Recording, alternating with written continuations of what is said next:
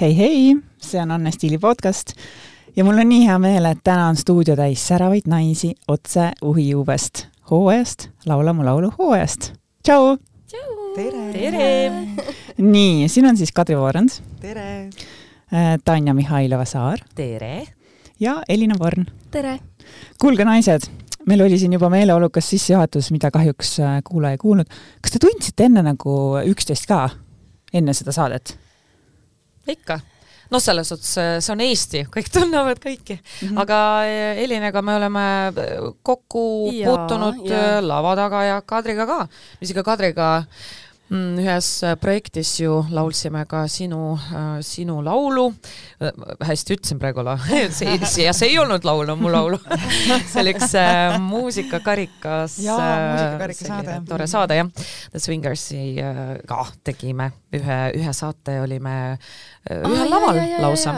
aga mina vist Kadriga ei olnud kokku puutunud, me vist ei olnud kokku puutunud, onju. me oleme, no mina nagu muidugi olen sulle kui superstaarile võib-olla öelnud siiski tere või midagi kuskil seal Aa, ei, lava muidugi. taga. ja, ja, ja, ja, aga, ja. aga, aga, ja, aga jah, nagu vestlusesse nagu ei langenud. tuttavaks alles nüüd ja see muidugi ja. oli üks väga tore tuttavaks mm. saamine.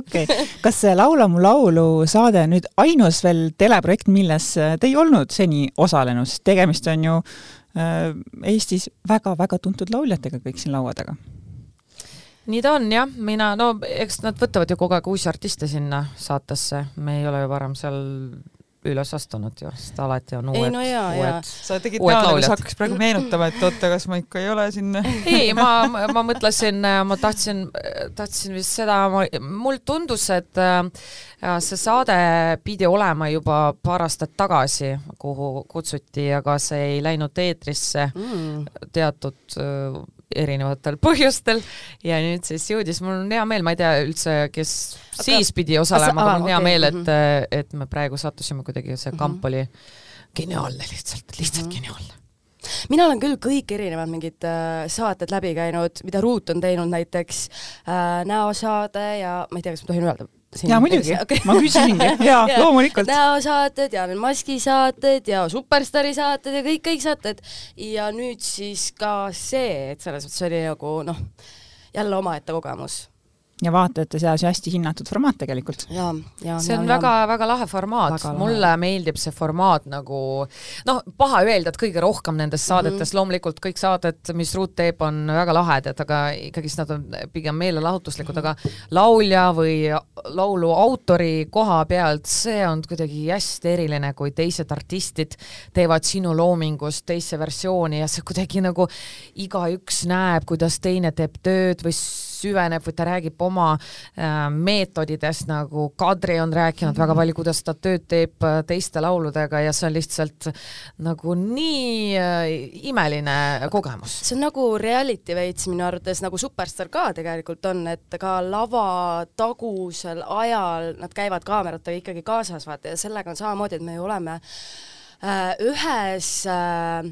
äh, mõisas koos seitse päeva ja kogu aeg on tegelikult kaamerad, noh, õnneks muidugi mitte niimoodi, et kui me üles ärkame, siis, siis on juba kaamerad, õnneks sellist asja nagu ei olnud, on ju, ainult ikkagi nagu privaatsust ka, aga ikkagi hommikusöök, kõik mingid tegevused, et tegelikult on isegi võib-olla sarnane selles mõttes äh, selle Superstaari saatega.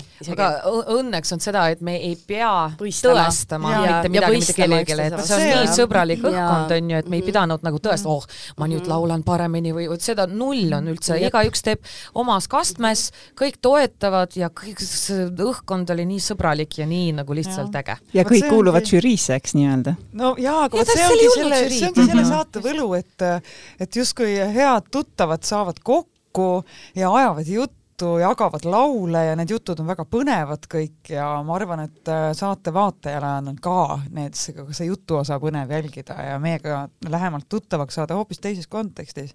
et seal ei ole ju tõesti seda võistluse mingisugust äh, asja ta on lihtsalt mõnus, mõnus äraolemine ja mul on selline tunne, et võib-olla ka televaataja on nagu meiega seal laua ümber ja naudib lihtsalt seda olemist mm. -hmm. selle jah, selle, selle formaadi teeb minu meelest ainulaadseks see intiimsus.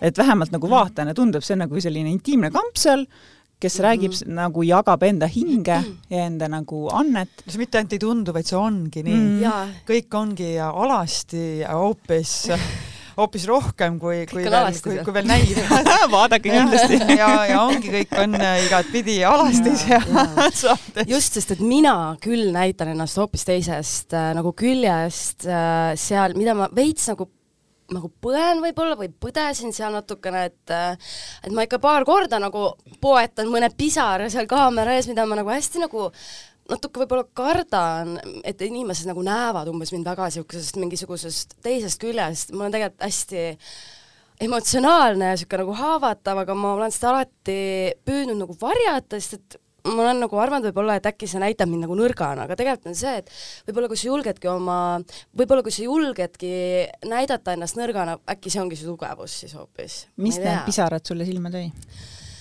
Mis ei toonud jaa, saad aru, see lihtsalt äh, ma ei oska seletada, kogu see nagu õhkkond seal oli väga ah, ma ei oska, ma ei oska öelda, seal peab lihtsalt ise selles asjas sees olema ja kogema seda, et, et kõik oli väga no nii kaua, kui Elina otsib seda sõna, ega ma, mina ka olen seal korduvalt pisara poetanud seal, kui istusin seal põhitoolil, aga mul tekkis lihtsalt selline, selline äh, tänulikkus selle mm -hmm. nii-öelda mhm. minu loomingu vastu, nagu austamise vastu, kui saab niimoodi kokku võtta, et üldse üleüldiselt, sest neid hetki, kui sa saad jagada oma nagu sisemaailma, sest ega meie looming ongi meie sisemaailma väljatoomine, see on, iga laul on oma selles suhtes beebi ja artistidel või lauljatel või aut-, autoritel on alati raske neid üldse maailmale näidata, sest neid hakatakse hindama, keegi ütleb, ah, nõme lugu, ma ei viitsi seda kuulata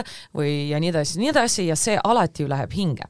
ja seal, kui sa vaatad, millised talendid, millised erakordselt artistid hoiavad sinu nii-öelda beebit ja kuidagi panevad teda hästi teistmoodi riidesse ja siis nagu komplimentidega sisuliselt kallavad üle, see on hoopis selline hästi tänulik tunne, et äh, sul on üldse võimalus sellises kohas viibida. See oli minu niisugune hetk mäletan ma. lisalt, lisaks sellele, et sa äh, räägid sellest, kuidas sinu äh, laulude sisemaailm avaldub läbi meie kuidagi teisiti, siis minu jaoks oli eriline kogeda ka seda, kuidas ma tundsin, et minu sisemaailm avaneb läbi noh, näiteks Elina ja Tanja laulude ja kõikide laulude läbi hoopis ka uue äh, mingi nüansi läbi või ma, ma tundsin, et iga lauluga mingi osa minust avanes kuulajale jälle, mida võib-olla varem ei olegi keegi kuulnud.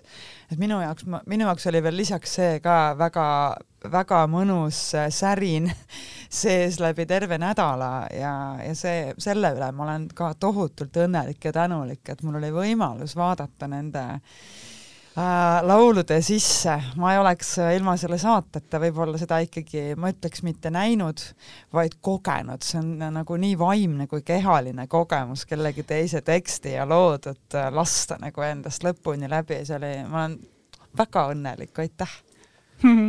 Ma just tahtsin küsida, et kuidas selle, see on ju nii-öelda kaverdamine, et te laulsite kellegi teise laulu, eks? no, noh jah. Ja.. kui suured äh, sellised kaverdajad te muidu olete olnud? ma tean, noh, The Swingers loomulikult teeb neid jah, ma praegu The Swingers enam ei esine, aga ega ma oma nii-öelda kontsertidel ikka laulan teiste laule ka, mitte ainult enda omasid, et ma ei suhtu mitte kunagi halvasti, on olemas küll lauljad, kes põhimõtteliselt ei laula teiste laule ja see ongi väga fine. mina olen pigem selline alati pigem meelelahutaja rollis, mul meeldib see roll rohkem, kui ma pean oma autorlust nagu näitama, et äh, mulle meeldib esitada neid lugusid, mis meeldib mulle, mis meeldivad inimestele, need on minu lood, ei ole minu lood ja seda ma saan kohe ka öelda, et edaspidi ma kasutan ja laulan ja esitan ka neid lugusid, mis saab kuula, mis saab kuulata siis minu esituses ka selles saates, nii et äh, mina olen selline armastaja ja kui on hea looming, hea muusika, see on ju minu meelest see on pigem austuse avaldamine nagu autorite vastu, et äh, ma ei tea, ma ei, mina ei näe sellest mitte midagi halba, just vastupidi, äh, sellise rõõmuhetkede või, või mõtiskluste hetkede pakkumine publikule mm. -hmm ja mina ka kaverdan selles mõttes, et ma ei ei ole kunagi kartnud kaverdada, et, et väga huvitav on võtta kellegi teine lugu ja teha see võib-olla mingis mõttes nagu enda omaks või kuidagi oma mõtete läbi siis seda esitada, et see on ju, ma arvan, ka kuulajale väga huvitav, kui teistmoodi tõlgendatakse lugu, mida nad võib-olla on äh, äh, harjunud kuulama siis teistmoodi. Et äh, minu arust see on väga tore ja selles äh, saates ju on see põhiline asi tegelikult, et sa hakkad äh, teiste muusikute loomingut ise tõlgendama oma, oma, oma mõtete järgi siis. Jaa, no minul ei ole väga palju olnud võib-olla seda klassikalises mõttes kaverdamist, aga küll on olnud väga palju, võib-olla isegi enamus mingisugusest trallist äh, minu karjääri jooksul teiste inimeste loomingut laul, laulmise osas, et, et see, seda uudis, uudisloomingut või Äh, uut muusikat, mida on kirjutatud võib-olla mõne, mõne uue teose näol orkestrile, lauljale või, või mulle mingi muu, muu bändi kontekstis, oli ju aeg, kui ma lugesin kokku, ma olin paralleelselt kümnes erinevas bändis ja kümnetes projektides, eks ju. et see äh, nagu teiste inimeste loomingu laulmine on minu jaoks väga, väga tavaline olnud väga pikalt ja võib-olla just viimasel ajal olen ma asunud rohkem enda repertuaari juurde, mis on äh, mis on ka kuhugi, kuhugi mingi sellisesse kohta jõudnud, kus ma tunnen, et ma peaaegu ei tee enam vahet, et kas ma olen ise laulu kirjutanud või ma võtan kellegi laulu seest näiteks mingisuguse elemendi ja interpreteerin seda, mulle lihtsalt meeldib aina rohkem minna võib-olla läbi äh, nagu heli või läbi enda hääle ükskõik missugusesse meloodiasse lugu jutustama, et see kuidagi aina vähem on üldse mu jaoks tähtis, kelle laul või kust ta tuleb. et äh, lihtsalt olulisem on äh, kuidagi südame häälega seda esitada jah, et mingi see mõte. aga see on väga huvitav, kuidas Kadri rääkis seal, kuidas ta töötab äh, nagu nende lugudega, mis ta on nagu võtnud Aitäh. neilt. ja ei, see oli väga põnev, sellepärast et äh, ta rääkis, kuidas ta nagu võtab äh, loo nagu täiesti osadeks mm -hmm. ja ta töötab selle nagu sõna-sõna läbi äh,, sõna-sõna haaval läbi ja kuidas ta maalib oma peas igale sõnale pildi nagu juurde ja ta laseb selle nagu oma elust läbi see oli hästi nagu huvitav, et, et tegelikult ka selles mõttes nii raske on nagu tegelikult ju laulda siis kellegi teise lugu, kui sa pead selle nagu nii sügavalt läbi, läbi töötama, aga samas see on hästi mm noh, siis see ongi järelikult väga läbi töötatud. Ja väga nagu endast läbi lastud siis ja mis teebki neist sellest nagu lõpuks siis sinu loo, kui sa võtad näiteks mingi minu loo, oh my god, nii keeruline. Jaa, huvitav. aga hästi huvitav oli jaa, aga mm -hmm. ma usun, et ka Tanjal on oma igasugused erinevad võtted, kuidas ta nagu töötab ja mul endalgi on ju, aga noh, hästi, hästi huvitav oli jah kuulata seda, kuidas mm -hmm ja mul on huvitav ja, kuulata, et ja. teil oli seda huvitav ja, kuulata. see oli väga huvitav. no artiste selle laua taga seal äh, oli mitmeid. kes on teie jaoks selline või kes oli teie jaoks kõige suurem selline nagu pähkel? no kelle lu-, kelle lugudest enna-, ennast ikka andis nagu läbi närida või? Sinna sisse viia? mina äh, tean kohe vastust nii äh, nimelt siis äh, Viie Miinuse repertuaarist lauldav laul, ma võin kohe öelda, oli minu jaoks, ma ei saaks öelda, et pähkel. iga laul on, oli pähkel mõnes mõttes ja mõnes mõttes oli ainult ka puhas nauding ja tegelikult ka see laul oli puhas nauding. aga ütleme, see tekitas minus, noh kuna Elina kirjeldas siin Äh, seda, mis minu meetod on laulude sisseelamisel, ma lähen tõesti nagu tekstide puhul ju lähen tegelikult iga sõnaga oma elu kallale, ma valin igale laulule, igale sõnale oma elust mälupildid noh, et kus ma olen päriselt olnud, mis tunded see minus tekitab, siis ma laulan nagu selle tundega ja lähen nagu kolan ringi nagu kogu, noh, kogu elu on mängus kogu aeg, lapsepõlvest kõik suhted, kõik pere, kõik, kõik, kõik, kõik, kõik, mida ma olen kogenud, eks ju.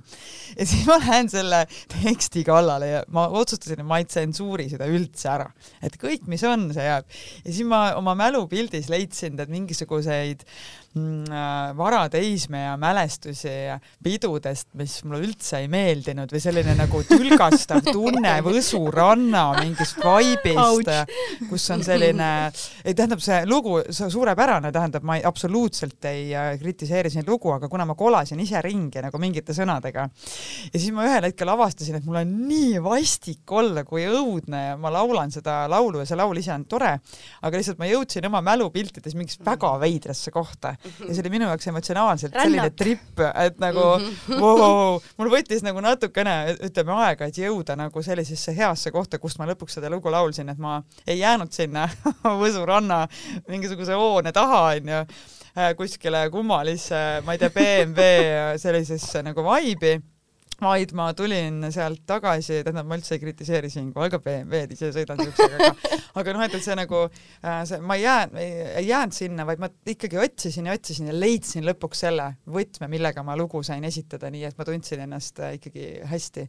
aga see lugu oli väljakutse et... no on, mida oodata, mulle tundub on, on küll mul endale ka, ma ei kujuta ette, kuidas see tegelikult kõlas, sest et see oli siuke tripp ega me, ma arvan, et me kõik väriseme siin praegu, mõtleme, et ah, kuidas ikkagi lõpuks välja tuli. ei no põnev on tegelikult, aga mul oli äh, Viie Miinusse laul esimesena äh, nii-öelda valmis, ma teadsin, kuidas ma tahan seda nagu lahendada, kuidagi nagu see, mm. see tuli, lahendus ja. tuli väga kiirelt, pluss on see, et mul on selline salahobi väikest viisi ähm, Äh, väikse, väikeste räpitekstide kirjutamine, mis oh. ma, ma ei ole absoluut nagu räppar ega midagi, lihtsalt mul meeldib oma laulude tekste ka ise kirjutada, aga aga ma seal vist kasutasin ka seda suurepärast võimalust esmakordselt siis pikemate tekstide kirjutamiselt.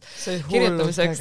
õige jaa, mul tuleb meelde. jälle järgmine päev on käes, tahan jälle, ah ma tegin uue teksti jälle, siis on mingi, ah vahet pole, vaata siis kannab ette selle asja jälle, siis kõik mingi, mis see oli tore nagu aga mis mul oli raske või mitte raske, raske on paha öelda, võib-olla noh, minu puhul, et äh, pigem rohkem võttis aega, et läbimõtlemisel on just Kadri laulu, sellepärast et ma valisin ühe laulu ja tegelikult oli tehtud valmis, aga ma natukene natukene ka-, kahtlesin, et kas on nagu kuidagi nagu midagi kripeldas, et ei ole nagu päris see, mis mul meeldib. ja peale seda, kui me saime esimesed päevad seal koos veeta, siis ma mõtlesin, noh, see ei ole üldse sobilik, nagu see, see asi, mida ma, see ei, ei nagu ei vääri nagu, nagu Kadrit, see, see versioon, mis ma mõtlesin, et ma noh, arvasin, et see on väga hea noh, versioon, aga kuidagi natukene oli siuke nagu kas on hea ja siis pärast mõtlesin, no ei ole üldse hea. ja siis äh, jah, üks päev siis ähm, hommikul lihtsalt võtsime kõik nulli ja läksime selle järgi, mis äh, süda ütles või hing ütles nii-öelda peale seda, kui Kadriga sai vesteldud ja oldud kõrvuti, et kuidagi tundus, et, et see versioon kuidagi mul rohkem oleks, nii et jah, et võib-olla kaadrilooga on lihtsalt selline eriskummaline nagu juhtum toimus seal, aga mitte just vaid nagu üli-üliraske, vaid lihtsalt selline, selline, selline värk oli. Suurem väljakutse võib-olla? minul võib-olla, noh, ma teadsin tegelikult iga looga, mida ma tahan nagu teha või mis vibe'i sinna nagu tekitada, aga aga kõige suurem küsimärk mul oli ka Korea saatega, Korea looga, ma teadsin, mis lugu ma tahan teha. Ähm,. aga mul oli ta ikkagi mõeldud alguses veits teistmoodi, kuni ta lõpuks äh, oli. Ja mul oli täpselt samamoodi, et eelmine õhtu siis või öö ma mõtlesin siis lõpuks välja, kuidas ma tahan nagu seda teha, seda lugu, et et see oli nagu, ma ise väga nagu kartsin, sellepärast et noh, ma räägin, mul oli hoopis mingi teine mõte sellega, aga ma tundsin ka, et ei, see ei lähe kohe mitte. ja siis kuidagi mul nagu plahvatas peas öösel mingisugune idee tuli ja, ja siis kohe äh, Tomiga rääkisime läbi, et saab nagu teha küll nii, nagu ma mõtlen ja siis äh, noh, põhimõtteliselt, et vaatame, kuidas tuleb ja ja niimoodi ma esitasin seda seal, aga minu arvates lõppkokkuvõttes äh, nii palju, kui ma mäletan, siis isegi tuli nagu okeilt välja muide, kui palju te üldse ette teadsite, et kes teil seal äh, seltskonnas on? sest äh, noh, väga vähe ikka. aega ikkagi, lõppseltskond ikka kujunes üsna vahetult enne see mm -hmm ei olnud niisama, et me siin teame pool aastat ette, see oli ikka mingi väga vähe mhm, aega mm. -hmm. sest lugude ettevalmistamine ju tegelikult nõuab aega ja, ja see ei toimu ju niimoodi. ega seda aega nagu väga ei olnudki, tuleb tunnistada, et see rohkem sündis ikkagi koha peal ja aga mis on võib-olla asja võlu isegi. et see päriselt sünnibki koha peal nii, nagu sa seal mm -hmm. nii-öelda mm -hmm. vaatajale minu mõned asjad tõesti päris mm -hmm. paljud nendel öödel ma arvasin, et see on filmitrikk et see ikkagi oli äh, päris intensiivne loomine ja, ja peab tunnistama, et see toimus kõik ühel hetkel mingi deliiriumi piiril, viimased päevad ma olin nagu mhm. pideva naeru äh, mingi laksu all, sest et ma tean, et sa, Kadri, kas sa magasid seal mõisas ka või? väga palju ma ei jõudnud ausalt ütelda. öösel tegid nagu 这个 sest lugusid. ühesõnaga lugusid päeval oli saade tõesti päev, ma arvasin, noh muidugi väga naiivselt, et me tuleme sinna Keernu mõis, et seal on selline terve päev esimees. mõisapuhkus. natuke on proovi jah, kõik on siuke chill, tegelikult oli terve päev ja ei olnud, tege-, põhimõtteliselt ikkagi, ma parandan sind, Elina, sisuliselt ikkagi hommikul kaheksa kolmekümnest oli kuni öösel mõned, mõnedel juhtudel ikkagi ööseni välja kaamera ka, et neid päevi päev oli ka, kus ikkagi ma hommikul ärkasin, läksin lumele seal oli küll päike siiras, aga lumi oli seal mõisa ees ja läksin lumele oma varbaid jahutama ja juba oli kaamera kohal ja läks Aa, päev jah, käima ja siis juba kõik see grimmid, särgid, hommikusöögid, et tegelikult kaamera ikkagi võttis sisuliselt kõike. ei, see on õige, sest ma praegu mäletan ka, et äh, mina mm, ühel hommikul otsustasin, et ma teen omal äh, nagu selle rõdu ukse lahti, minul oli, mina sain kõige uhkemat vanaemal, mul oli rõdu, siis ma tegin nagu rõdu ukse lahti, oli külm, karge äh, talve hommik kargas mulle näkku ja ma nagu olin seal oma selle kampsuniga, ma nagu hingasin seda mõnusat, seda talvist õhku ja siis vaatan korraks alla, juba kaamera on lihtsalt niimoodi, niimoodi zoom ib mind nagu sisse seal, okei okay,, tere hommikust tõesti et jah, jah, jah, jah. ei no jaa, nii ta oli, et äh, kui äh, noh, et keegi ei saaks mõelda, et jah, et tõesti meil oli selline tilulilu, mis äh, ikka tead, sööd seal, umbes pidutsed, räägid juttu ja vahepeal laulad, siis ei, et ega ma, mm, mina näiteks isiklikult bändiga ei ole ühtegi korda isegi kokku saanud enne, noh, igast asjaoludel kokkulangusel, enne kui me sinna mõisa, mõisa saime, et mm. kohati tundus, et et, et natukene oli see kartus, et kas tuleb välja see, mis ma peas pärast mõtlen. Õnneks on, no kõik on nii professionaalsed, äh, bänd ja Tomi Rahula oli nii-öelda muusikaline juht meil mm, -hmm. et ja üldse režissöör ja see kamp ja mitte keegi noh, nutma ei hakanud sellepärast, et ma ei, nüüd ei jõua ja kõik on pahasti ja et Pinge see oli väga intensiivne, pinget oli palju mm. -hmm see oli väga lahe, aga ta ei olnud üldse niimoodi, ah oh,, meil vahepeal ikka oli kaks äh, salvestust päevas, et see mm -hmm. eeldas väga palju ettevalmistusi, seal tehakse ka grimmi, sul peab kostüümi teha, sul peab proove teha, meid on äh, seitse, neliteist lugu läbi proovida, salvestada, et iga päev. intervjuud mm, -hmm. enamus päevadel jaa, et ainult kahel, esimene ja viimane päev oli üks saade, saate salvestus. aga muidu me ikka veetsime väga-väga pingelist nii-öelda nagu perioodi, et juba kaheksast oli, minul enamuses kaheksast oli Krimm ja, ja niimoodi no, läkski nagu kuni õhtuni välja ja aga mis muidugi väga, väga äh, selle ma, ma tahaks igal juhul äh, tänada äh, siinkohal tegelikult Kaupo Karelsoni ja kogu tiimi, see oli imeline, kuidas terve see mõisa täis, seal oli ju inimesi palju selles tiimis, et kaamera, kõike, kõike, eks ju, sul on seal heliosakond, operaatorid, grimmeerijad, kokad, kõik, kõik, seal on nii palju rahvast, et kõik olid äh, soojad ja südamlikud. Ja mida ma nautisin, kõik tahtsid oma rolli täita maksimumini, nii et kõik need omavahelised siuksed paikapanemised, graafikute paika sätitamised. Ja ma nautisin, et ma olen üks osa sellest suurest meeskonnast, et ma ei juhi protsessi, ma olen nagu vahel noh, nii äh, väsinud sellest, et ma palju juhin mingit bändi või kogu aeg nagu ajan mingit asja. Ja siis ma olin lihtsalt nagu see, vahepeal sain olla lihtsalt see üks osa sellest tohutust meeskonnast ja see oli minu jaoks noh, selline nauding. kokkuvõttes me olime ikka väga-väga hästi hoitud just ja ma tahaks ka öelda, et kogu tiim on hästi hooliv seal, noh, kes on kaamerate taga ja kes nagu tegelikult mm -hmm. teevad seda saadet, on ju, aga eraldi rääkides Kaupost, võib-olla ma ütleks, et et, äh, et ka nii hooliv inimene, et ei ole niisugune oo, kuri produtsent nüüd äh, tuleb ja teeb, et, mul oli tegelikult see, et ma jäin ju keset saadet tegelikult haigeks, mul ei olnud koroonat, aga me filmisime saate pead ja me olime tegelikult õues.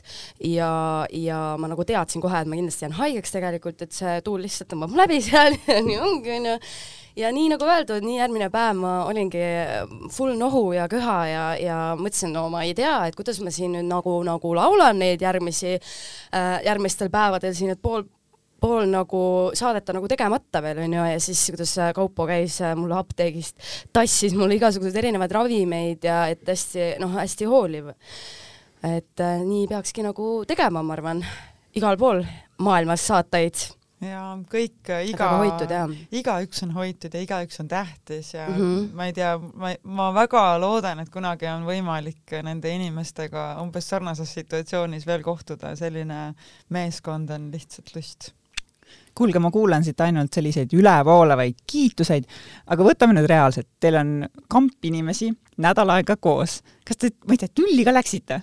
Ei, ei, mitte, mitte, mitte kellegagi. midagi sellist ei, ei olnud, seal olid üliägedad inimesed mm. -mm. no kõik on täiskasvanud inimesed, ma ei tea, mis me seal ikka kraakleme omavahel ja ei tekkinud nagu ka mingisuguseid pingeid. üldse ei tekkinud, no pinged mm. loomulikult tekkisid igasugused no,, aga keegi ei läinud ju. ja ka vaata alati mm -hmm. nagu on olemas mingi mõned inimesed, et tal tekivad pinged muul nii-öelda teemal, aga ta elab natukene mm -hmm. välja ka suheldes teiste Just inimestega. meil ei olnud sellist, sellist asja. asja ei olnud jah. et kui äh, selles suhtes ma noh, mis mul meeldib, et Eestis üldse, et ma väga väga vähe olen kohanud sellist situatsiooni, kui keegi nagu, ma ei tea, staaritseb või nõmetseb või nagu midagi. no tõesti nagu ma ei tea, meil on nii kuidagi armas riik ja kõik tunnevad teineteist ja mina isiklikult ei ole niisugustes situatsioonides viibinud. Ja see saade, kus tõesti me oleme suht väikses ju mõisas, inimesi palju, ikkagist pingeline, sest see on saate filmimine, see ei ole ju puhkus selles suhtes, et äh, ikka peab tegema asjad ja nad peavad olema tehtud, muidu meil ei ole saadet. Ja pinged olid laes ikka, aga me kõik kuidagi nagu no nii hästi läbi saime, et see tõesti võib olla imelik öelda, aga ei ole olnud jah aga ja, meil pinge, oli samas, meil oli ju nagu, selles mõttes ka nagu privaatsus, kui me seda tahtsime, sest meil olid omal, kõikidel olid omad toad, on ju, oma väike pesa, kuhu sai minna, kui ikkagi kõik lained kokku lõid peas, mul oli täpselt niimoodi, et näiteks vaata noh, okei okay,, me istume seal laua taga, me esitame laule, aga on lisaks ka veel intervjuud enne seda, on ju, peale seda ja kõik need asjad ja mul oli ka vahepeal lihtsalt, ma mäletan, viimane saade vist oli ja mul oli niimoodi, et ma ei tea, kas mul juba oli pingelangus või ma ei tea, mis see oli, igatahes kulminatsioon toimus minus niisugune, et mul lihtsalt keset intervjuud, noh, a la toimetaja küsib, et äh, mis inimene sulle, Tanja, tundub siis, on ju, et, et millise inimesele Tanja sulle tundub? Ja siis ma lihtsalt vaatan talle otsa, mul ei tule mitte ühtegi sõna, sest isegi meelde ei tule ühtegi sõna. Ja ma lihtsalt purskan nutma, nagu ka, nagu lihtsalt ma ütlesin nagu ka toimetaja, noh, Kaidile ütlesin äh,, Kaidi klient siis, kes on toimetaja seal, ütlesin talle, et sorry, ma ei tea, mis, mis nagu toimub praegu, lihtsalt ma ei suuda ennast nagu talitseda enam, et mul on nii nagu need pinged nii nagu üle kasvanud peas lihtsalt, et, et kõik lihtsalt, noh, lihtsalt ühtegi sõna isegi ei tule nagu meelde, tahad ikkagi normaalset äh, tarka juttu rääkida seal intervjuus, aga ei tule lihtsalt ja ja siis Kaidi ütleski, et kuule, chill, me teeme kellegi teisega vaata samal ajal intervjuud, mine ole oma toas natukene ja aga see on, ongi ja. selles suhtes äh, nagu hea, et inimestel, kel tõesti pingid, ega meil oma aega ju oli ka, et mitte, et me nagu olime kakskümmend neli seitse, et sa ikkagist äh, olid, igaüks oli oma toas ja said vajadusel sinna minna, kui oli vaja tõesti.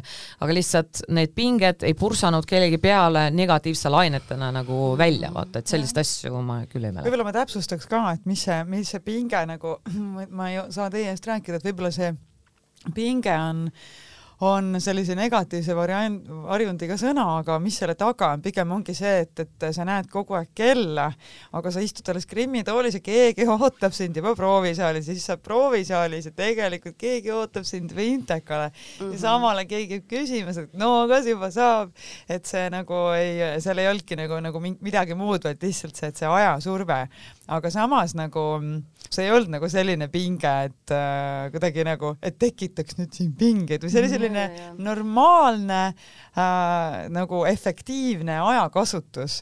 päev et, kestis lihtsalt liiga vähe päev kestis lihtsalt liiga vähe. oleks võinud tunde juurde panna päeva, jah. mina ei raatsinud ka loobuda väga nagu ikkagi neist hetkedest, kui sai nagu vahepeal juttu ajada ükskõik kellega sealt saate meeskonnast või lauljatega ja ma ei, ongi see, et pikk saatevõte päeval ei olnud juba, ma ei tea, kaksteist ja peale tundi onju ja, ja ma, vaat mina ei saanud, ikkagi pidin istuma ka veel seal nagu et ikka nagu võtta kokku päeva ja arutada maailma asju ja kõike, mida, mida oli ja seda südamelikku nagu head jagamist, seda ei saa jätta ka välja, seda on vaja, sest see annab energiat. ja muidugi siis kell on üks-kaks ja ma lähen tuppa oma homse päeva, eks ju äh,, laule õppima ja välja mõtlema, eks ju, ja siis on kell kolm-neli, mõnel, mõnel juhul oli ikka, ikka väga hommikueeli sai magama ka kaheksa kolmkümmend jälle Krimm, tead mm. -hmm. et see oli, et see, et see rohkem see pinge seisnes selles, et lihtsalt äh, nii palju oli seda, kust oli vaja osa võtta ja kust ka tahtsin osa võtta, et see aga kõik kuulub vist tõenäoliselt asja juurde et.... ah jah, seda, seda aega nagu muljetada ei olnud pärast eriti tõesti, sest juba oli öö, tegelikult oleks pidanud juba magama minema, ikka vaata istuda seal koos onju, sest et nagu, sest muljeid oli nii palju ja üks saade oli ära, enne seda oli veel üks saade nagu, saad selle päeva kokku võtta nagu, et oo, kelle esitus oli nagu kõige, ma ei tea, huvitavam või, või noh, mis iganes onju, et ikka tahad nagu noh, muljetada ja, ja mm. ongi see, et aga tegelikult sa pead juba tegelikult no,, on see, et nagu kell on juba see, et aga mine juba palun magama, sul on mingi kahe tunni pärast krimm juba onju, sul on vaja häält hoida onju, kõik see noh, uni on ju kõige vajalikum asi tegelikult äh, ju hääle puhul, et sul mm. tuleks üldse midagi välja, sest tegelikult on uni. no ei ole aega magada lihtsalt. ei olnud aega magada, seal ei olnud huvitav jah. jaa. Aga naised, te nüüd tegite selle salvestuse ära. Kui te läksite sealt nüüd enda nii-öelda tavaellu tagasi, mis selles tavaelus teil praegu on, mis teil äh, artistidena muusikaliselt ja ka võib-olla on ise endal toimub? no minul ei ole peale seda saate salvestust ka olnud ühtegi pausi. Kuidagi, kuidagi kõik see virvarr on kevadiselt äh, käimas täiega ja kohe peale saadet oligi vaja veel õpetada natuke, kuidagi tulla selle magamatusega toime, ma ei jõudnudki magada, siis oli vaja Saksamaale sõita, see kõik oli väga emotsionaalne, Saksamaal ka nagu nii-öelda nende huvi praegu, kõrgendatud huviga antud olusid arvesse võttes Eesti vastu, Äh, võib-olla tõi ruumi sellist teistmoodi energiat ja, ja see kontakt kohalike inimestega oli, oli väga soe ja, ja väga rikastav, ma arvan, mõlemale poolele. Ja kohe peale seda oli ka Eesti Expo Dubai reis, äh, kuhu oli ka tohutu muusikaline ekstra ettevalmistus, nii et üldse polegi tänaseni tegelikult olnud aega väga ühtegi päeva võtta, et, et peale seda Dubaid on juba olnud Eestis erinevad äh, asjad ja ettevõtmised, ma nimelt Jats Kaarel teen ka ühe erilise kontserdi Ah, tead, ma teengi reklaami otseses mõttes, see on äh, ainukordne projekt. nimelt kakskümmend seitse aprill on siis äh, selline kontsert minul ja mul on ka kusjuures hullult hea üllatuskülaline, ega ma ei ütle, kes see on. selline kon-, selline kontsert, kus inimesed nagu võivad istuda nagu tavaliselt ka, aga me paneme ka nagu sellised mõnusad matid ja see, et tekitame mm. kontsertlesile. et kuna ma ise olen alati unistanud sellest, et ma saaks kuulata kontserti nii, et ma ei pea üldse vahepeal midagi tegema, ei pea plaksutama ega olema ega istuma kuidagi ja ma tahaks lihtsalt äh, mõnuleda ja võib-olla pikali visata, siis ma mõtlesin, on aeg selline kontsert lihtsalt korraldada, kus saabki oma mõtte lasta lendu. nii et kes tahavad tahavad sellist väga mõnusat kontsertlesilat kogeda, siis igal juhul see on nagu praegu olnud minu laual. ma olen paar väikese ringi, paar, kolm-neli väikese ringi taolist testi teinud ja see on hullult hästi vastu võetud. aga ma ei tea, et see rohkem oleks plaanis, nii et nüüd ma tegin oma reklaami ära, kakskümmend seitse aprill, tulge sinna. okei, Tanja uh,? mina, ka igast asjad toimuvad seal uh, ikka ega ma, aga ma leidsin ühe nädala puhkuseks ka, et äh, see muidugi täitsa tavaline tegelikult, esimest korda Egiptuse päikse all, aga põhimõtteliselt perega lihtsalt oh. oledki basseinis päikse all ja sööd kakskümmend neli seitse. kartsin väga, et ma tulen tagasi, siis mul see Nunnad House muusikal Vanemuises, et äh, kleit on õmmeldud täpselt mu järgi ja ma väga kartsin, et ma sinna ära ei mahu. mahtusin uh!. nii et äh, mul on pigem selline hästi virvarr nagu edasi, et ainuke asi, mis mul ähm, raadiosaatejuhi aeg sai äh, hetkel äh, otsa, et aasta aega ma olin äh, Sky plussi äh, saatejuht, et äh, läksin tegelikult kuuks ajaks, aga jäin, jäin aastaks ootamatult. et see sai kuidagi projekt otsa, aga muud muusikalid, esinemised, need tegelikult on, nüüd on eriti päris ohtralt tuleb igasuguseid päringuid ja esinemisi ka, aga peast ma kohe niimoodi ei ütle, ma mäletan, et kakskümmend aprill, millal see eetris on? kohe varsti kohe varsti, just. Love jah, et, äh, et siis kakskümmend aprill esinen, äh, avalik kontsert on Tallinnas, siis on sealt edasi ju Kuusmaa ja Viigo ja nii edasi, ma peast ei mäleta kõiki, aga need igasuguseid äh, kuskil äh, Mustamäe pargis, nüüd kumb mm. nüüd park, ma ka ei ütle Aa. peast ma pean vaatama okay,, okay. mm -hmm. aga igal juhul selline hoovikontsert ilus pidi olema, nii et, et, et sealt saab kuulata ja erinevad sellised toredad ju bändiga äh, akustiliselt tantsutüdrukutega nagu mm, -hmm. nagu ikka, selliseid projekte on palju ja loomulikult ka muusikal Nunna Doos mm, -hmm. mis läheb vist järgmise järgmiseks aastaks jälle jääb kavva. see on selline väga edukas muusikal, on kõik siiamaani edukalt välja müüdud, nii et päris paljud inimesed tahavad, tahavad näha, väga rõõmus ja hästi positiivne, nii et seda äh, soovitan kõigile vaatama tulla, selline. aga jah, muud teist projektid ka, mis praegu ei väga, ei saa veel äh, detailidest rääkida. põnev okay., väga põnev. Elina? ähm,? Hmm, mina olen tegelenud hästi palju uue loomingu äh, loomisega, olen stuudios väga palju aega veetnud äh, erinevate toredate producer itega ja laulukirjutajatega et katsetan äh, erinevate inimestega, kellega ei ole võib-olla varem veel teinud koostööd isegi, et ma nagu kogun jälle äh, kokku igasugused äh, demod ja siis esitan need äh, esitan need siis äh, kõrgematele inimestele, kes, äh, kellega koos siis otsustame, et äh, mis või kus või kellega.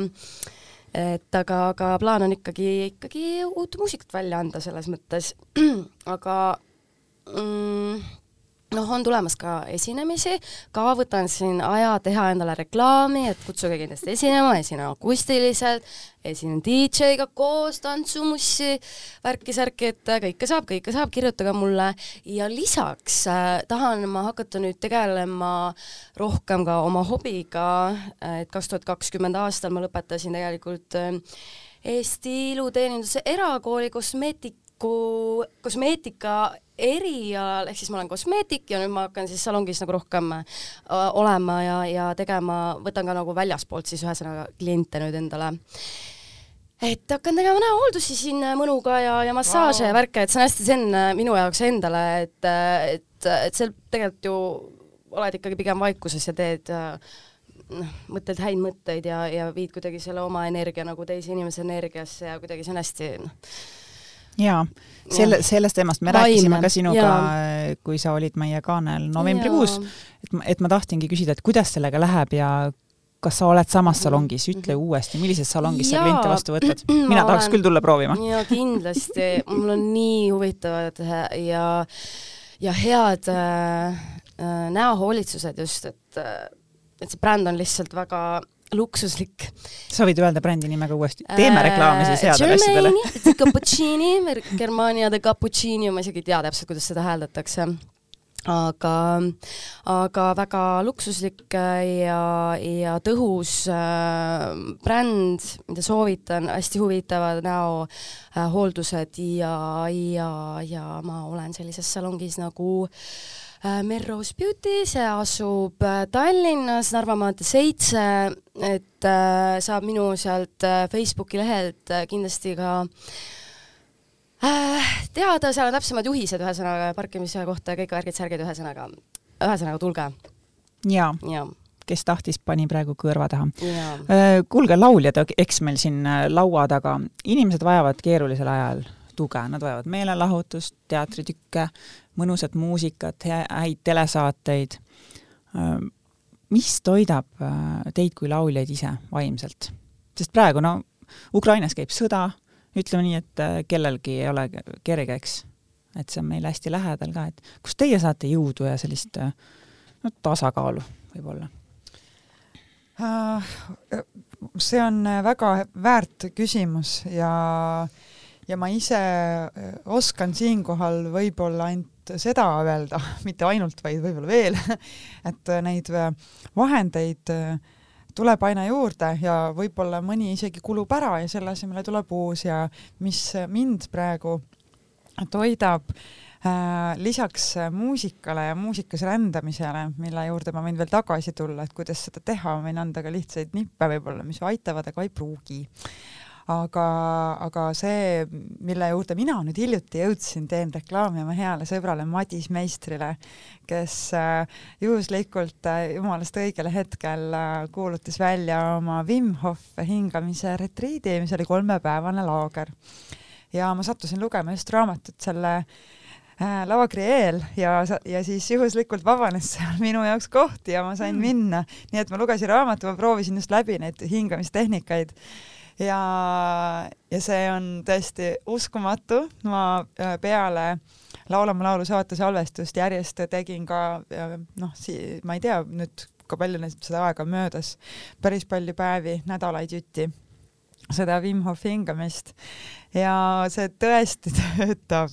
see on imeline, ma tegelikult peale Laula mu laulu saate äh, salvestust äh, tundsin, et ma jään noh, täielikult haigeks, mul oli noh, sel-, noh selline nõrkus ja, ja ma lihtsalt hingasin ennast terveks ja see ei ole mingi esoteeriline äh, asi praegu, vaid see on reaalne.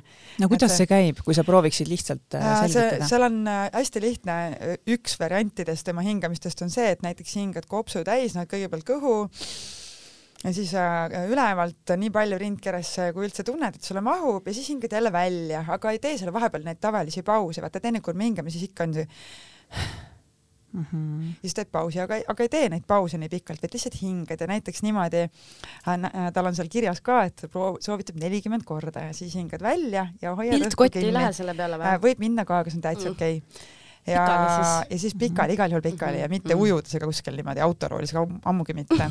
ja, ja teed nagu neid sette circa paarkümmend minutit kuni tund aega, on ju, kuidas aega on ja, ja seal nii-öelda selle hüperventilatsiooni käigus, nagu ta ise kirjeldab, et seal on nagu erinevad asjad, mis hakkavad toimuma. ühe nimi inglise keeles on get high on your own supply ja see on tõesti selline väga kerge olek, äh, kus äh, keha absoluutselt vabaneb kõikidest pingetest, äh, toksiinid lähevad kehast välja, sellel on isegi teaduslik tõend, tõenduspõhine nagu selline sele, selgitus taga, mida mina siin ei ole kindlasti kompetentne seletama, aga see on olnud imeline abivahend, et ma sisuliselt nagu hingasin ennast väga raskest haigusest Saksamaale lennuki peale terveks äh, nagu, nagu kahekümne nelja tunniga, et see, see on uskumatu, et see, ma ise ka kogesin seda esimest korda elus, et vau. Wow., et ja seal Wim Hof hingamise laagris ka mul nagu jääaugus käies või peale seda korraks tekkis nohutunne. Ja siis ma samamoodi hingasin edasi neid seansse ja järgmisel päeval ma olin terve nagu purikas ja tegin veel päevitusriietes õues lume peal tunni aja matka nii et äh, see, see on uskumatu, milleks inimene on võimeline, aga mis on see peamine võit siit, on see vaimne vaimne olek, mis on äh, nii palju kergem, kui me lihtsalt lubame oma kehal lõdvestuda ja see lõdvestumine ei käi sellise käskluse peale, et kuulge, lõdvestuge nüüd onju, või et lihtsalt hingake. palju lihtsam on seda teha, kui keegi annab konkreetsed nõuanded, kuidas täpselt seda teha mm. -hmm. et, et see ja see, kuidasmoodi ma tunnen praegu, et ma muusikat ka nagu tripin selle hingamisega koos, ma olen avastanud äh, ennast äh, muusikakuulajana koos selle hingamisega ka sellisest võlumaailmast et see on täiesti nagu narkootiline, et äh, hingamistehnika ja kuulad sellist head muusikat taustaks ja ma tunnen, kuidas minu sees on, ma ei tea, mingi iidsete esiemade jõud wow. äh, tulnud. ma tahan seda räägid. proovida. ma ma tõesti, tunnen mingil hingamissessioonil, ma tundsin, et tead, mingi tuhandete aastate tagune naiste vägi on mu sees, onju. ja, ja see, see ei ole mingi uhuu jutt. minge otsige Wim Hof raamat on praegu enam-vähem kõikides raamatupoodides olemas, et see tõesti töötab ma usun sind mm. -hmm. Tanja? jaa, ei, mulle ka meeldivad sellised äh, rohkem esoteerilised äh, küsimused või asjad ja just, aga noh, sinnakanti on ju, just, just uh,. ma ise ei ole käinud kuskil koolitusel ega sellised, noh, ma natukene loen siin-sealt, aga enda jaoks mingeid asju noh, otsid ikka vaata, mis sul sobib. et ähm, mul on kuidagi nagu kaks aspekti praegu, millest ma tahan peale kaadrit rääkida siis, et minu puhul ka toimib selline, et kui ma kujutan ette, et ma hingan helgust ja hingan välja äh, tumedust, nagu sellega seoses mm -hmm. kuidagi, eriti kui mhm. mul on näiteks paha või kuidagi depressiivsed natukene mõtted või see lihtsalt selline kurb olla. et see on nagu minu hingamisega, suhtes ma muidu need tehnikat väga nagu ei valda ega ei tea. aga see tehnika kusjuures ongi see sarnane, ongi see, et, et see ei ole mitte mitte see, et sa, sa just, võid just. lihtsalt hingata, aga sa võid ka hingata sisse just nimelt noh, mida iganes sul on vaja siis mm -hmm. nagu enda ellu nagu tuua. valget värvi just. ja musta värvi välja ja. või noh, mida iganes, et kuidas see süsteem sinu jaoks toimib aga äh, võib-olla, mis on igal juhul, ega viimasel ajal ongi keeruline hakkama saada ka oma negatiivse mõtetega ja kui me mõtleme, et äh, mõtted ju päris tihti materialiseeruvad, äh, mis, mis sa tahad välja saada, kas või ootamatult Kadri jaoks vabanes see koht seal koolitusel, mis oli enne kinni, on ju, mida sa väga tahtsid saada, on ju, ja nii edasi, et sellised väiksed asjad nagu alati tegelikult toimib, mis sa väga tahad ja imeväeld see jõuab mm. -hmm. et mul päris tihti oli see, et äh, mul on väga suured probleemid negatiivse mõtetega, sest et äh, paratamatult meie tänapäeva, eriti viimaste aastate kuidagi elu on äh, väga palju negatiivsust sees ja sa ikka jõuad, kas või seesama olukord, seesama sõda, mis praegu sa, ma olen noh, selle nagu teema sees väga palju, ma olen hommikust õhtuni, ma loen, vaatan, ikka mõtled, et kuidas toetada ja nii edasi ja sa lased seal nii lähedalt, see on nii sarnane kultuuriruum, et sa lased äh, neid situatsioonid oma elust läbi, sa nagu samastud läbi oma kogemuste ja oma pere, loomulikult mitte nii tä-, noh, ega sinuga see ei, nagu hetkel ei toimu, aga sa ikka kujutad ette, kui seal lastega seoses või meestega seoses või mida iganes, et sa nagu kohe hakkad nagu mõtlema, kuidas see nagu sinu elus nagu paratamatult, paratamatult. Mm -hmm. ja need mõtted on väga nagu väga halvad mõtted, mida sa kohe hakkad mõtlema, aga see süsteem, mis, äh, mille puhul nagu, ühesõnaga, mis ma tahan öelda väga keeruliselt, aga see ei tekkinud siis praegu, et, äh, et äh, kui ma sain emaks kunagi, siis mul korraga tulid kõik maailma hirmud, mis on seotud lapsega. külvvanker libiseb käest ja sõidab autoteele, no täitsa ajuvabad asjad, kui keegi varastab mu last, nagu hästi sellised nagu kõik maailma hirmud tulid korraga sinule koju, nagu sa oled vastutav teise väikse inimese inim-, elu eest sisuliselt ja nii edasi, küll ta lämbub, küll ta, no tead, ka ajuvabad nagu sellised mm -hmm. suured hirmud ja ma tekitasin endale sellise nagu tehnika, mõttelise tehnika, mis mind väga aitab, et ma jagan, võib-olla keegi tahab ka, tead, kes äh, võib-olla mõtleb äh, väga palju huvitavaid negatiivset just äh, mõtteid. et mitte neid välja lasta lendu, aga mitte endas sees hoida, sest tegelikult hoida on päris keeruline või isegi halb, et sa hoiad kogu aeg tumedust ja negatiivset mõtet enda sees. et äh, ma tekitan äh, mõttes enda ümber sellise mulli. Ähm, noh, sellise para, para selline ruum, mingi niisugune, tead, kaks meetrit sinna-sinna enda ümber. Ja lasen need negatiivsed mõtted kõik välja, ma mõtlen neid, aga ma tean, et nad välja ei lähe sealt, ehk siis see on minu selline kaitse, kaitsemull nii-öelda. Ja need negatiivsed mõtted, ma tean, et na-, noh, ma võin vaadata nii-öelda nagu mõttes, kuidas nad seal lendavad ja põrkavad piiridest ja kaovad ära, sest nad, tead, saavad nõrgemateks et siis nad, et ma ei lase nagu täitsa-täitsa välja neid, et aga sa pead kuidagi need, see on minu äh, selline süsteem, kuidas, kuidas nendega töötada, ma ei tea, võib-olla kellelgi vaja. aga muidu ma hetkel üritan kontsentreeruda konkreetselt väga-väga lihtsatel asjadel. ehk siis lapsega mängimine ehk siis diivani peal oled, siis sa tunnetad seda mingi päikest põse peal, et sa mm -hmm. nagu mhm. oled nagu iga mõnusa ja hea hetkes sees, mis on hästi argipäevane. ehk siis, kui muidu plaanid olid alati sellised noh, et mis nagu eluplaanid, siis praegu on lihtsalt konkreetselt sellised väiksed huvitavad, mõnusad argipäevased hetked, milles konkreetselt ma rohkem teadlikum olen sees sõidan linna, vaatan, päike paistab, naeratan. Lähen võtan kohvit, mul on võimalus praegu kohvi võtta ja mängin lapsega ja räägin sõpradega ja saan sõpradega kokku, ehk siis sellised väiksed asjad, et rohkem olla, rohkem nautida, rohkem äh, teadvustada, et need on kõik väärtuslikud, need on kõik väärtuslikud hetked. ja kui sa juba oskad igast nagu asjast positiivseid asju välja noppida ja nende peal kontsentreeruda, siis, siis natukene kergem ja ma olen muidu väga positiivne inimene, aga nagu viimasel ajal seda teha on väga-väga raske. nii et sellised lood on. aitäh jagamast. Elina, kuidas sul väga ilusti räägid, räägite siin ma ei tea, ma olen nagu viinud hästi palju ennast kurssi viimasel ajal nagu just asjadega, mis, ähm, mis mõjutavad vaimset tervist ja see, kui vaimne tervis on nagu haige, selles mõttes, et äh, mm,? ma ei teagi, et, ma nagu, ma usun ka väga seda, et, et sa saad oma halbade mõtetega endale konkreetselt mingit haigust tekitada näiteks.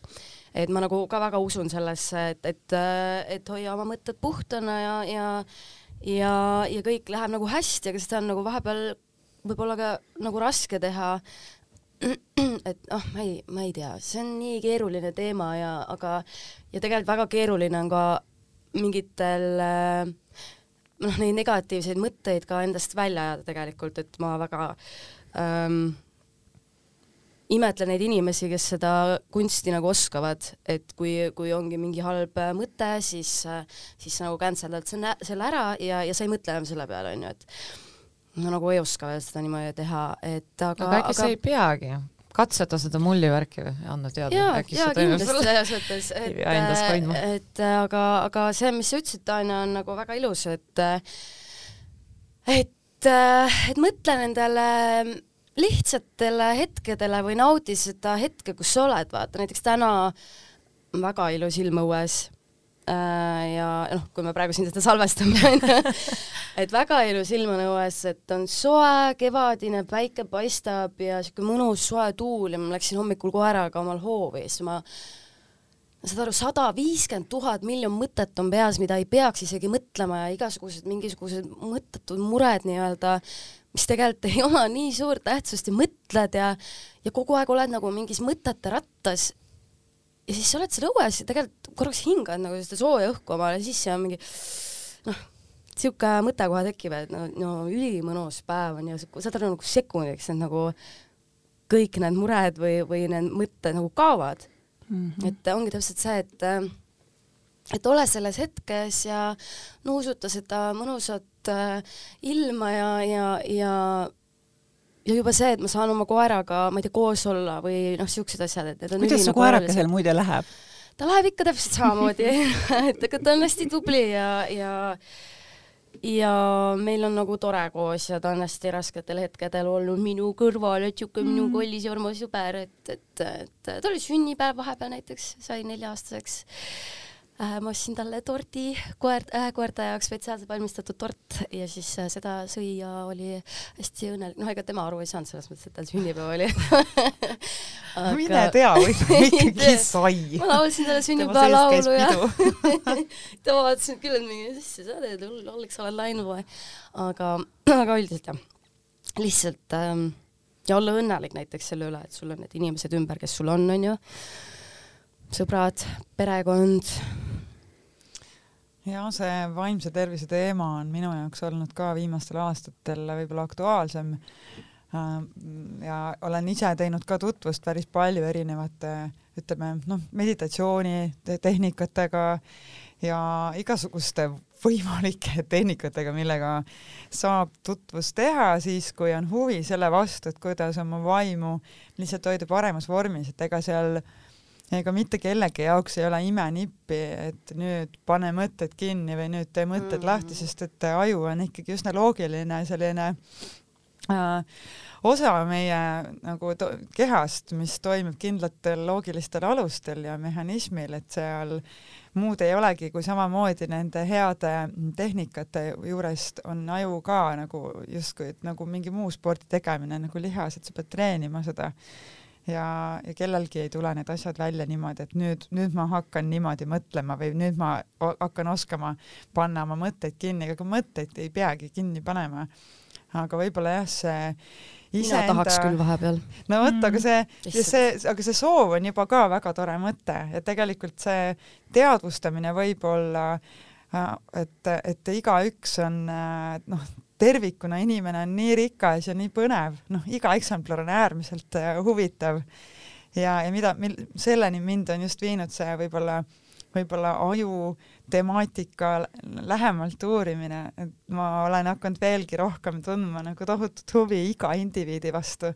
Ja, ja see võib-olla mida ma märkan, ongi nagu see nagu ebakindluse teema, mis ongi nagu kõige rohkem laual kõikide konfliktide puhul, eks ju, kui me vaatame kasvõi seda sõjateemat, see on ka mina, mina kuidagi toon nagu siinkohal ikkagi paralleeli, et kui ma mõtlen, et riigid on riigid on näiteks inimesed oma keerulistes oludes ja ebakindlustes, et mis, mismoodi siis seda konflikti äh, saaks üldse lahendada ja, ja ka see tuua nagu iseenda sisse, see sisemonoloog, mis, kus on nagu terve maailm, et ma ei pea olema nii palju välisest ka mõjutatud, et see, enda sisemaailma hoida äh, nagu nii-öelda, hoida nagu mingit sellist kõige erilisemat väärtust peo peal et seal noh, igaüks on inimene, inimesena seest nii rikas, seal on tohutult palju, seal on terve elu kogetud mälestused ja mõtted ja tunded.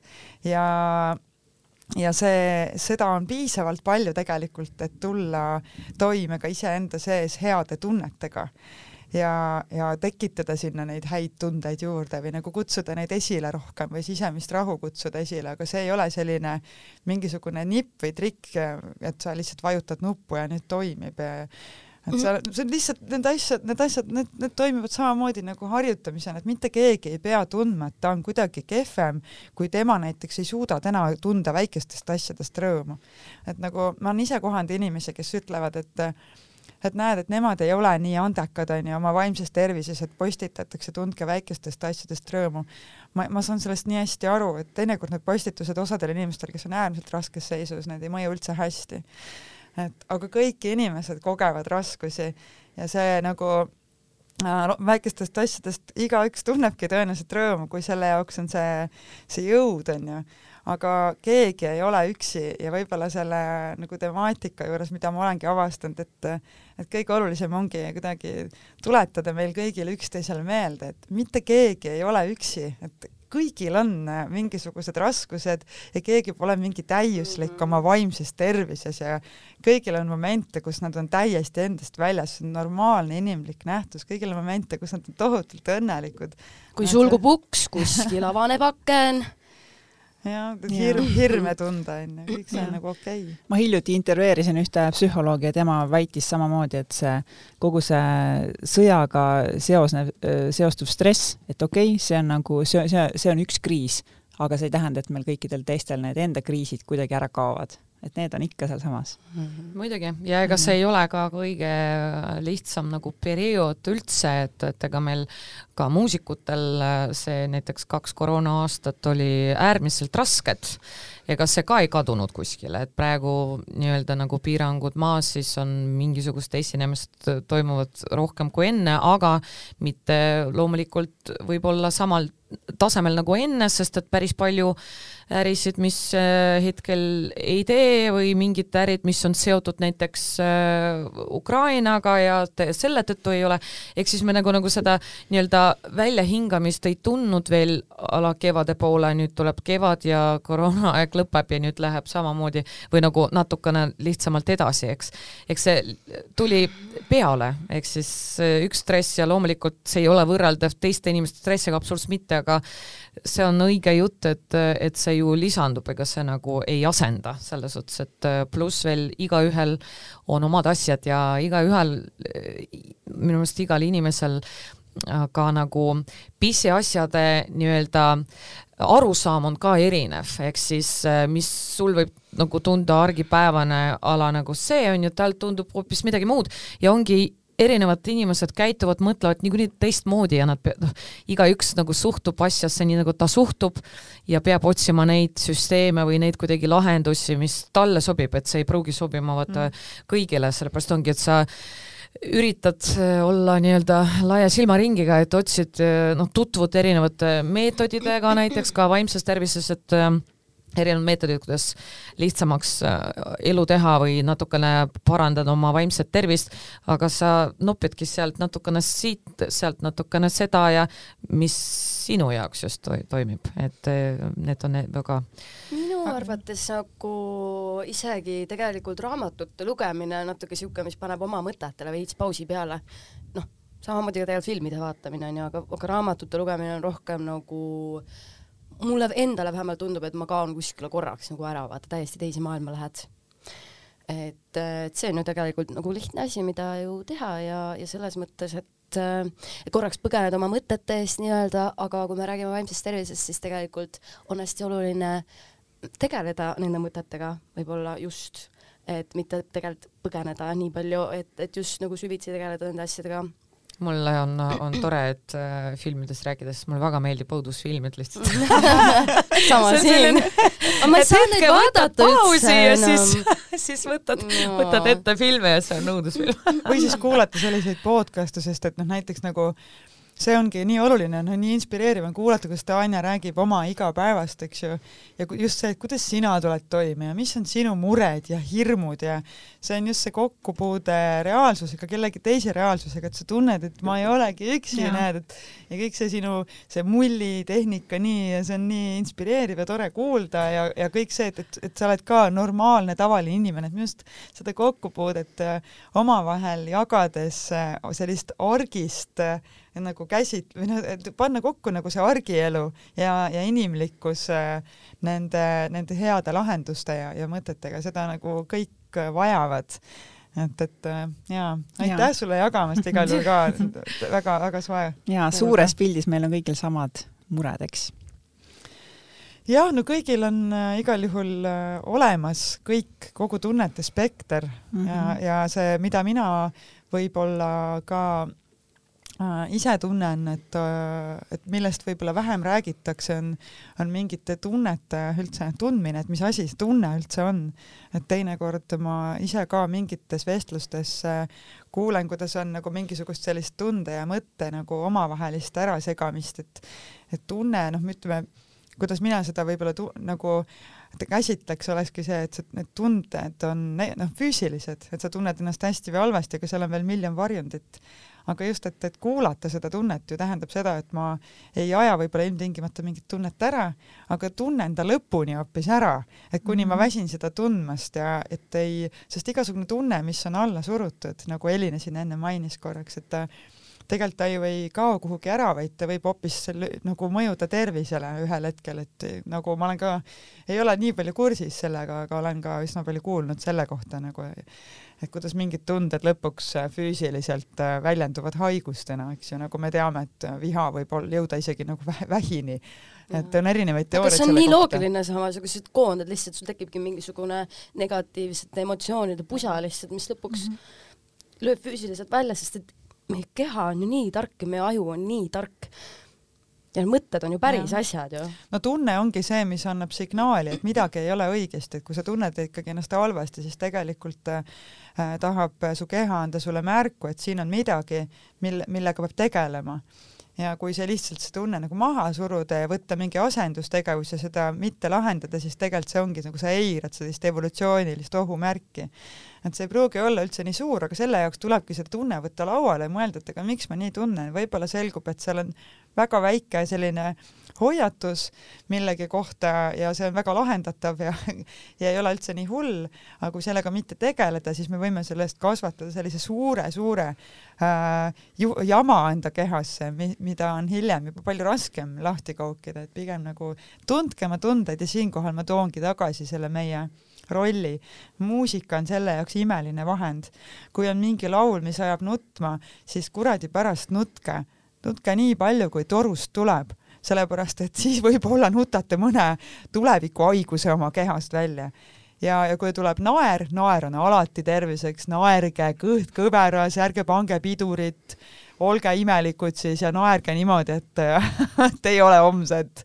ja kõik need tunded või kui tuleb mingi muu mälestus, emotsioon, liblikatunne, armastus, armumine, elevus, neid tundeid tuleb lihtsalt tunda ja, ja seal on minu meelest see tohutu võlu vaimse tervise võti. lihtsalt tundke oma tunded ära ja kasutage muusikat selleks, see on kõige mõnusam. samas on see, et ma ei imesta, et tegelikult kõikidel eestlastel ongi kogu aeg masendus lihtsalt, vaadake, mis, mis ilm meil on õues tegelikult kogu aeg.